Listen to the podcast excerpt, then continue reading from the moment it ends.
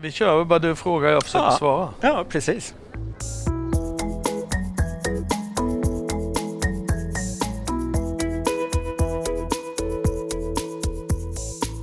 Hur vet vi vad som är bra? Hur vet vi att det blir bättre? Kafferast i Kunskapsfabriken.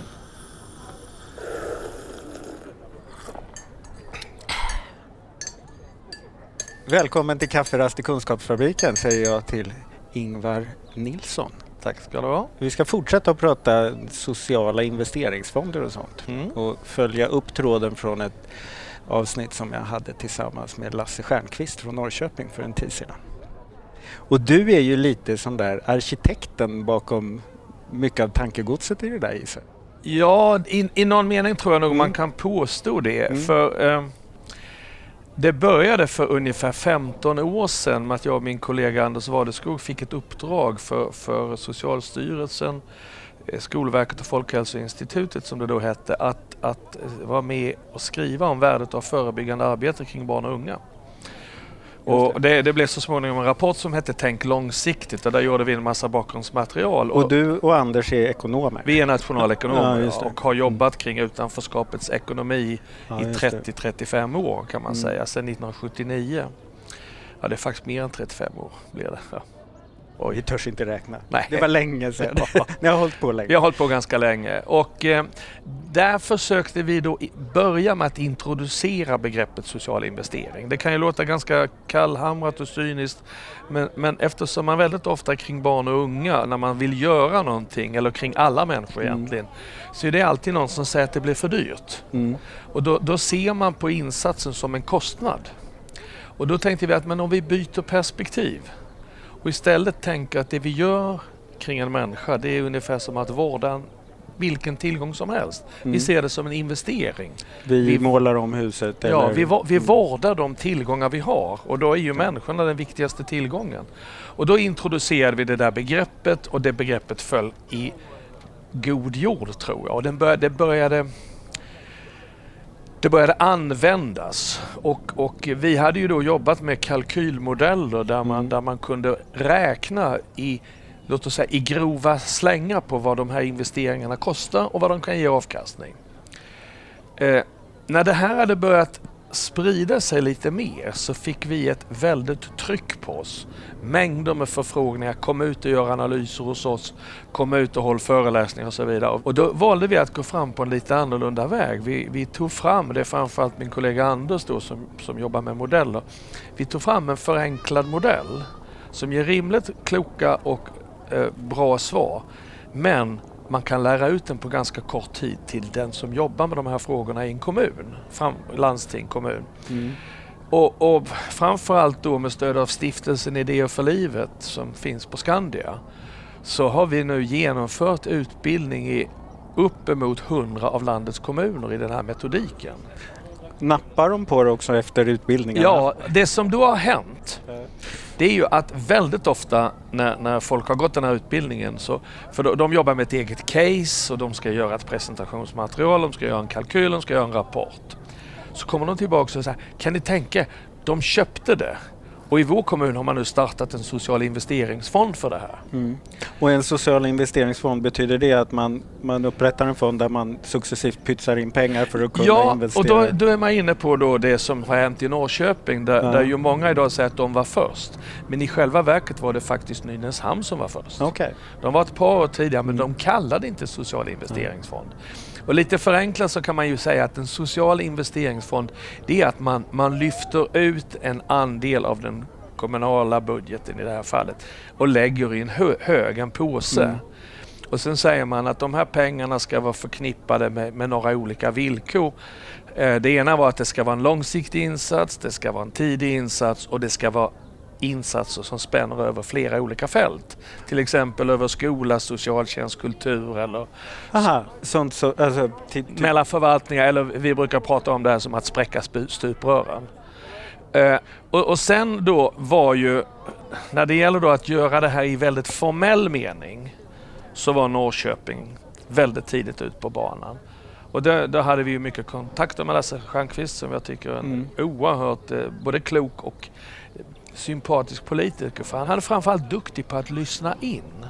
Och vi hade då ett antal, vad ska man kalla det, mobiliserande föreläsningar i Mm. Norrköping för att det här är ju ett nytt sätt att tänka. Och då måste man liksom få med sig eh, och i, i Norrköping så la man ju rätt mycket krut till exempel på att få med sig oppositionen. Just det, så att För- det inte skulle falla vid nästa Ja, maktskifte. ja, eller. För, för en del kommuner har man gjort misstaget att majoriteten har gått fram och sagt vilken bra idé vi har. Och då får man inte med sig oppositionen så kommer de ju med automatik i rätt många kommuner säga ja det var ingen bra idé för det var er idé. Mm. Utan här i Norrköping har man ganska generöst låtit flera parter vara med. Kafferast i Kunskapsfabriken. Varför är det här ett nytt sätt att tänka? Vad är det som gör att vi liksom haft svårt att förstå att man kan tänka så här? Jag tror det är några olika förklaringar. En är väldigt klar, klar och det är ju själva vår budgeteringsmodell. Mm. Hela ekonomisystemet i den offentliga sektorn bygger på att det ekonomiska livet inleds den första i första och upphör den 31 i Mm. Och tolfte. sen är det ett nytt liv. Sen är det ett nytt liv. Och det gäller för allting som har med kärnverksamhet i offentlig sektor, nämligen människor. Mm. Däremot biverksamhet, byggnader, fastigheter och sånt, där kan man ha ett investeringsperspektiv. Mm. Och det där är ju lite märkligt Eh, eh, och det kan finnas förklaringar till det här. Eh, Men jag tror detta är en sorts huvudanledning att man faktiskt är fången i... Mm. Alltså budgetsystemet gör en till fånge. Ja, alltså jag fick väl lära mig när jag gick i skolan också att investeringar kan man bara göra i byggnader och i maskiner möjligen. Och så drar man, som man kan Men- räkna men- av. ja. Men det är ju... Det är ju inte riktigt sant för man Nej. pratar ju idag egentligen om tre kapitalbegrepp. Fy, du pratar ju om fysiskt kapital. Mm. När vi pratar om de sociala investeringarna pratar vi ju egentligen om det som, som kallas humankapital. Mm. Jag menar det förhållandet att, att eh, vi har förskola, skola och så vidare i Sverige är ju en humankapitalinvestering i ungas uppväxt. Mm. Och den diskussionen har blivit väldigt tydlig nu när vi pratar om ensamkommande flyktingbarn. För då är det jättemånga som pratar om detta som en kostnad. Och sen tänker man att det har vi ju inte för svenska barn. Men i själva verket så är grundinvesteringen för en svensk 20-åring. Vi brukar, säga, vi brukar ställa frågorna ute föreläsare. Vad tror ni framkörningsavgiften är för en produktionsklar 25-åring? Och den ligger på ungefär 3,5 miljon. Och det är framförallt den generösa för, föräldrapenningen, det är förskolan och det är skolan. Det. Och det är en god investering för att våra ungdomar ska kunna vara duktiga på arbetsmarknaden. Marknaden.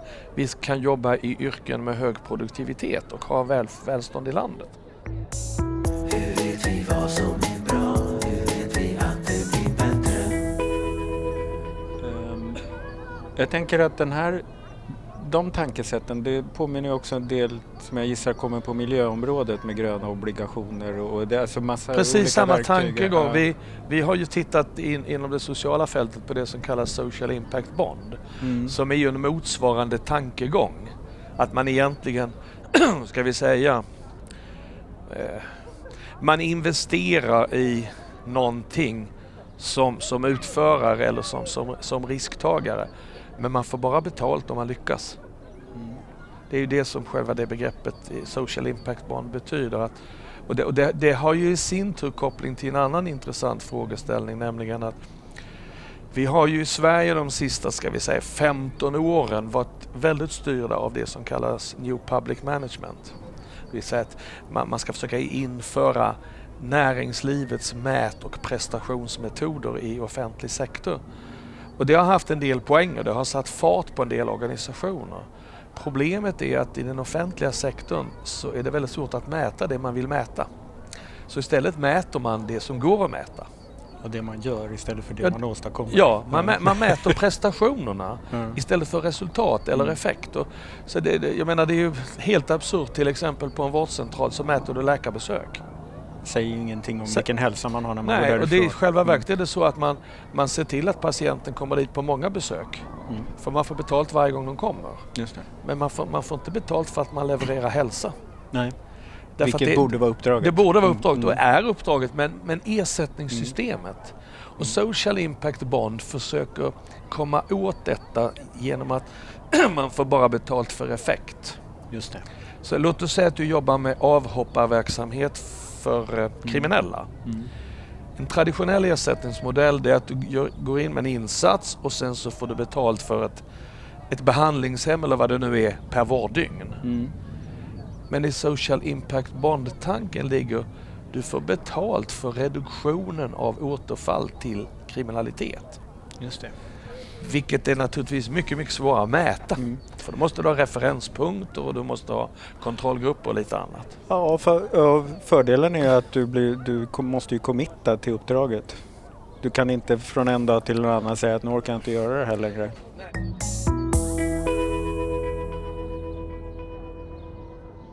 Och vi, vi har en rätt kul grej när vi har de här utbildningarna med kommuner. För vi, vi, då ska man komma dit med ett case och man ska komma med en grupp och vi har ett krav. Det ska finnas någon handläggare, det ska finnas en ekonom och det ska finnas en chef. Minst de tre ska vara med. Och, och, och, och det där är ganska kul för att när vi började de här utbildningarna så, så när vi, man får sitta och öva ganska mycket. Det tog inte mer än 15 minuter så sa alla, du som är ekonom och van vid Excel, du kan väl räkna. Och då införde vi i de här utbildningarna ett beröringsförbud för ekonomer. Det betyder att de fick inte röra datorerna. Utan de som vanligtvis aldrig räknar tvingade vi att röra, Mm. räkna. Och det där utlöste ju hur mycket ångest som helst. Alltså jag har aldrig varit med om något så ångestskapande. Men det, det hände två saker. Det första var att de som för första gången fick räkna kunde plötsligt se ekonomin kan vara ett hjälpmedel i planering. Och det andra viktiga var att ekonomerna började förstå konsekvenserna av beslut. Så att vi, vi fick en, en bonuseffekt i utbildningarna som vi inte hade räknat med. Okej. Men det, det kan man säga ytterligare två saker kring det här med sociala investeringar som har dykt upp. Det ena är att här och var så har man byråkratiserat den här processen väldigt mycket. Man, man, liksom, man gör det så krångligt med återbetalningsmodeller och så vidare. Och när man gör det har man börjat tappa en del av poängen. Så jag tror att man skapade de här fonderna var pedagogiskt väldigt viktigt för att få en genombrott för idén. Idag känner jag mer att det är viktigare att börja tänka social investering. Det andra det var då att man när, man, när man sätter igång det här så började vi upptäcka att man kan definiera syftena både operativt och strategiskt. Mm. Och det låter lite abstrakt så här va? men operativt är att så här. Vi har i vår kommun 50 hemmasittare. Nu skapar vi en social investeringsfond där vi jobbar specifikt med de här 50 hemmasittarna för att få tillbaka dem till plugget så att de lyckas i skolan och sen kommer in i arbetslivet. Det är för mig ett operativt perspektiv. Det är ett mätbart perspektiv. Man försöker, man försöker hjälpa de 50 ungdomarna som har trassligt. Men det, det, det är det operativa perspektivet. Men så var det en, en man som heter Hans Karlsson i Södertälje som var chef för samordningsförbundet. Så sa han så här, du om det droppar ur en kran, vilket är smartast? Att torka under kranen eller att stänga kranen? Mm. Och då, aha liksom.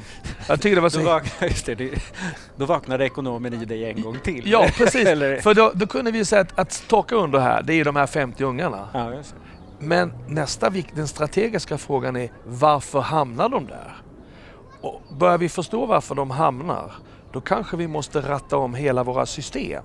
Vi måste kanske rigga om till exempel samspelet mellan barn och ungdomspsykiatrin, elevhälsan, pedagogerna i skolan och vuxenpsykiatrin och missbruksvården för Mm. föräldrar. Det är kanske det systemet vi måste ratta om för att förhindra kull efter kull som hamnar där. Och det är ju då, det, det, det första perspektivet skulle man kunna säga, det är systemsmörjande. Ja. Det hjälper systemet att funka. Det andra är ett systemförändrande. Och det här liknar väldigt mycket en kommentar vi fick av ett personligt ombud en gång när vi var med och genomförde den reformen. För det var en tjej som sa så här, du, jag har tänkt på en sak. Ju bättre jag jobbar ju sämre blir det. Jaha, hur menar du då? Jo, vi som är personliga ombud, när det är som sämst så fungerar vi som städgummor för systemet. och gör det möjligt för systemet att fortsätta fungera dåligt därför att vi städar upp effekterna så de blir osynliga. Vi vill ju komma åt. Och det här är ju precis samma mekanism. Men jag tänker också att det där, om man ska återknyta till hur man skapar kunskap, så är det ju det är lite den där vägen man får gå.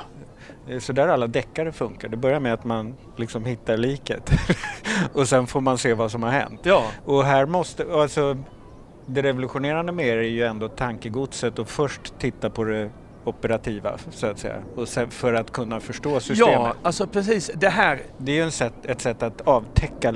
ja, precis. För Mönstren. att det här är ju ingenting som man tänker ut i förväg. Ja. Man upptäcker, alltså någon, någon, någon sa det att ni jobbar ju med en kombination av deduktivt och induktiv metodik. Och det betyder? Ja, det, bety det betyder lite förenklat, man både tänker ut idéer Mm. och ser hur man kan pröva dem och man prövar ut i verkligheten och ser vilka idéer det föder.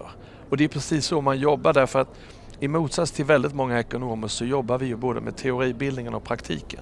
Just det. Och, då, då, och, då, och det märker vi om vi tar de här utbildningarna som exempel. Vi har då haft ungefär 15, 16, 17, 18 utbildningsomgångar med 5-6 kommuner varje gång. Och varenda gång bygger vi om modellen. Mm. Precis varenda gång. Därför att vi klarar inte av att tänka ut alla de komplikationer som verkligheten inne- innehåller. Och då, om det här ska vara en modell som är användbar så får vi bygga om den efterhand. Just det. Som, som människor talar om för Mm. oss, men vi har ju det här problemet. Mm. Och det är ju det som är så himla spännande för då, då blir det ju inte en teoretisk konstruktion utan då blir det ju en, en produkt som, som är kopplad till vardagsanvändning. Just det. Precis. Så, och det, det gör dessutom att man tillskansar sig ohyggligt med vardagskunskaper om hur det ser ut. Ja, och vardagsengagemang gissar jag. Alltså, och det är väl kanske det som gör att det är så svårt att ta till sig. För så, precis på samma sätt tycker jag det är när vi pratar brukarinflytande. Att eh, man ofta, både vi i brukarrörelsen och i verksamheter, tänker att det är någon annan än vi som, som gör det här. Eh, istället för att säga nej men det är när du pratar med den här brukaren och ni kommer överens om något, då har ni skapat brukarinflytande. Ja. Det, är inte, det är inte konstigare än så. Och det ni pratar om kan du aggregera som en kunskap som ni kan använda som verksamhetsutveckling. Mm. Så att säga, jaha men du menar att jag... Ja, ja, det är- det, det är bara att göra. Ja, Så- alltså det, det, är, det är också någonting när man jobbar med den här typen av frågor så, så blir folk oerhört provocerade när, när man säger att det här är, står och faller med människor som gör det. Mm, Menar du att det är personberoende? Ja. mm. Höggradigt. ja, just det. Höggradigt Och, person. och, och i, med ett annat tankegods så är det ju det som är tryggheten. Att vi inte behöver förlita oss på att någon annan ska komma med en riktlinje eller ett direktiv utan med den här vetskapen så kan vi tänka ekonomi. Den här podden görs av NSPH, Nationell samverkan för psykisk hälsa. Läs mer på vår hemsida www.nsph.se eller följ oss på Facebook, Kafferast i Kunskapsfabriken.